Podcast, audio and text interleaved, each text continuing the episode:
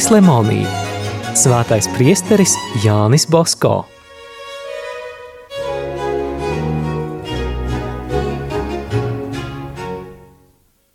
Priesteris Bosko pieņēma viesus no rīta līdz vakaram. Priesteris Bosko pieņēma viesus no rīta līdz vakaram, sevišķi pēdējo 30 gadu laikā, kad viņš un viņa darbi jau bija plaši pazīstami. Atrodoties ceļojumos, apstāšanās vietās viņš pieņēma viesus līdz pat vēlam vakaram, līdz desmitiem, citreiz pat divpadsmitiem. Viņš negribēja pat iet paēst, ja zināja, ka vēl kāds viņu gaida – Reiz priesteri apciemoja kāds bagāts, neticīgs cilvēks, kuram nevajadzēja priestera Bosko padoma. Viņš gāja tāpat paskatīties ziņkārības dēļ, jo daudz bija par šo cilvēku dzirdējis. Kad viesis iznāca no Bosko istabas, viņš četras reizes iesaucās: Kas par cilvēku?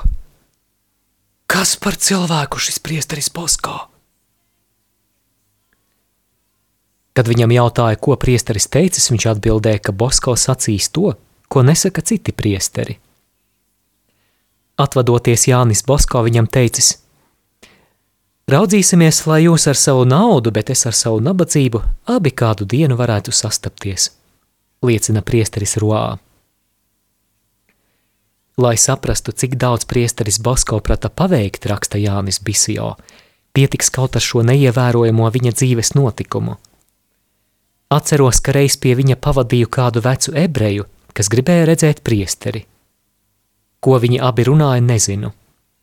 Tikai no oratorijas iziedams šis ebrejs man sacīja, ka ja katrā pilsētā būtu pa vienam priesterim Bosko, visi ebreji atgrieztos.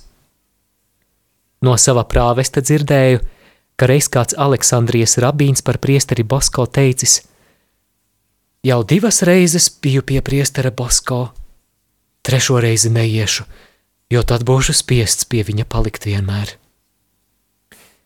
Lūk, tie nekļūdās, kas liecina, ka reiz sastopot priesteri Bosko, grūti bija no viņa šķirties. Ar to izskaidrojams arī tas, ka zēni viņu tik ļoti mīlēja un ka Bosko prata viņus izaudzināt.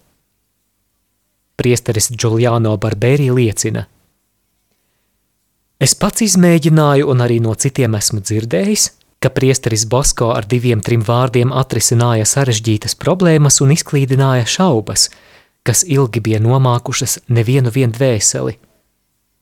Sevišķi labi viņš atrisināja šaubas par aicinājumu.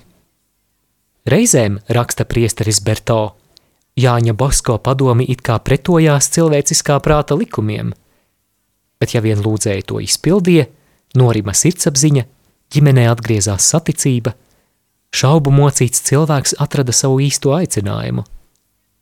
Daži mani draugi, neievērodami priestera Bosko padomus, atzinās, ka smagi vīlušies.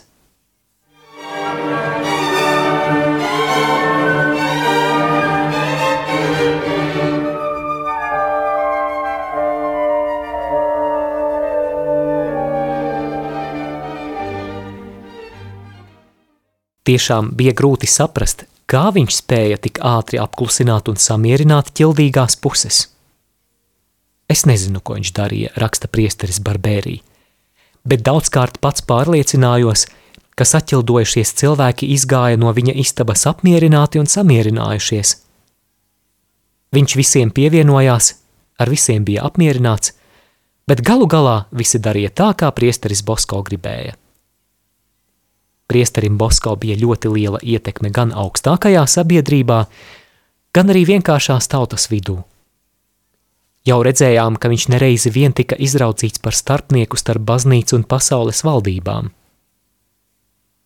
Kas vēl vairāk varēja izlietot šī priestera neparastās spējas, ja ne viņa garīgie dēli? Kādas kongregācijas priekšnieks Salesiāņiem sacīja – Jums mājās ir tāda bagātība, kāda nevienam citam turīnā nav. Istaba, kurā lai cik noskumis un nospiests ieiesi, ar priecīgu sirdi iziesi. Šī istaba ir priestera Bosko darbistaba. Sevišķi pēdējā dzīves gadā priesteris Bosko saviem dēliem dalīja pārbaudījumiem pilnās dzīves un izcilā prāta diktētos padomus – Salesiāņu darbīgums, kuru paldies Dievam vēl arī tagad visi tā apbrīno, viņu draudzīgā kristīgā mīlestība, viņu izcilie panākumi darbā, tie vienmēr ir dibinātāja padomu un parauga rezultāts. 1884. gadā, jūsdams, ka drīz viņam būs jādodas mūžībā, Bosko sāka čakli rakstīt savu atmiņu otro daļu. Viņš šo darbu spēja veikt līdz 1886. gadam. Katra rindiņa šajā darbā ir kā neaizstājama regula un padoms, kā Salesiāņu kongregācijai sasniegt savu uzplaukumu. Jāuzsver, ka visi Jāņa Bosko padomi bija ne tikai gudri, bet reizē arī ļoti praktiski un pielāgojami dažādiem apstākļiem. Kaut gan viņam ļoti rūpēja jaunatnes audzināšanas, ticības un aicinājuma jautājums – Tomēr viņš bija ar vien ļoti piesardzīgs un dažreiz pat skrupulos. Bosko sargājās no vismazākā pārspīlējuma.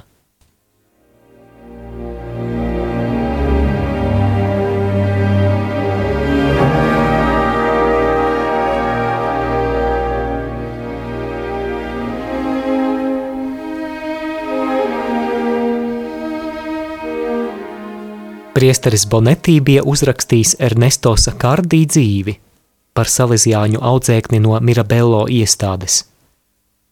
Savā darbā autors šo jaunieti nosauca par eņģeli.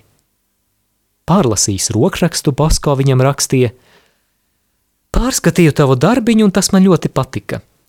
Jau iesniedzu to tipogrāfijā. Drīz redzēsi korektūru. Tomēr nolēmu izsvītrot visu, kas varētu radīt runas, ka mēs audzinām zēnus neveselīgā dievbijībā vai ka sakardī veselību zaudējis tādēļ, ka par maz atpūtās un pārāk reti priecājās. Reiz kāds salīdzjānis viņam jautāja, vai zēniem nevajadzētu mācīt pārkrustīties no rīta, pirms viņi sāk ēst maizes riecienu, ko saņem, izgājuši no baznīcas. Ļoti labs ieradums, atteica Bosko. Kur tāds ir, to vajag paturēt, bet kur tāds nav, man liekas, nevajadzētu ieviest. Ieraduši pie mums pagalmā pārkrustīties zēni, atgriezušies savās mājās, tikai viesīs ļaudīs izbrīnu, kad tie redzēs viņus tā darām. Iemācīsim, lai viņi labi palūdzas pirms pusdienām un vakariņām. Oratorijā Marijas Kristīgo palīdzības atlaidās un citos lielākos svētkos tika par puscenu pārdotas dažādas grāmatas, piederumi un bezalkoholiski dzērieni. Reiz svešu cilvēku klātbūtnē zēni nepieklājīgi uzvedās. Salezijāņi jautāja Bosko, vai nevajadzētu šo padomu izbeigt. Nē, vajag būt tikai nomodā un nekārtības novērst. Skaidrs, ka vēlāk šis paradums izzudīs pats no sevis bet tagad radikāli rīkoties nedrīkst, jo tam varētu būt sliktas sekas. Ja pilsētiņā atver jaunu iestādi un tā vienmēr ir slēgta, cilvēkiem dabiski rodas doma, kas zina, ko tie tur dara, tā ieslēgušies. Atvērsim durvis, lai viņi nāk paskatīties. Oratorijā vairākus gadus nebija pat vārtu sarga, un varbūt tādēļ pie mums tagad viss ir tik saticīgi.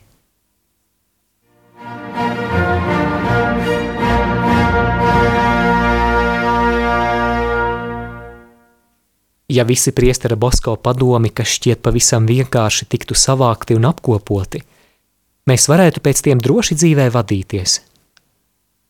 Bosko dažreiz sacīja, kur vien iesiet, meklējiet dieva godu un dvēseļu labumu.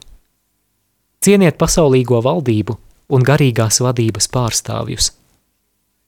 Savās iestādēs saglabājiet oratorijas kārtību, bet cik vien varat, pielāgojieties vietējām ieražām – Cildiniet visu labo, ko jaunajā vietā sastopat, un paši strādājiet, cik vien spējat. Izvairieties pelt un kritizēt, tad jūs visi mīlēs. Tomēr visdedzīgāk Bosko mudināja sargāt savu aicinājumu un uzturēt skaidru salīdzjāņu kongregācijas garu. Mūsu kongregācijai Dievs ir sagatavojis gaišu nākotni tā slava neizzudīs, kamēr visi locekļi pareizi izpildīs kongregācijas regulu. kad salīdzjāņi izmantos nevajadzīgas ērtības, mūsu kongregācija būs savu mūžu nodzīvojusi. Pasaule mums apliecinās savu labvēlību tik ilgi, kamēr mēs rūpēsimies par pagānu tautām, trūcīgo un apdraudēto jaunatni. Par to mūs neviens neapskaudīs. Neviens negribēs šo bagātību atņemt. Agri vai vēlu mūsu misionāri ieradīsies Ķīnā, aizbrauks uz Pekinu. Bet atcerēsimies, ka mēs ejam sargāt trūcīgos atstātos bērnus. Tur, dzīvojot starp tālām tautām, kas nepazīst dzīvo dievu, jūs vēl redzēsiet daudz brīnumu. Caur mums labais dievs tos parādīs pasaulē. Ar šo teikumu Jānis Bosko beidza savas atmiņas.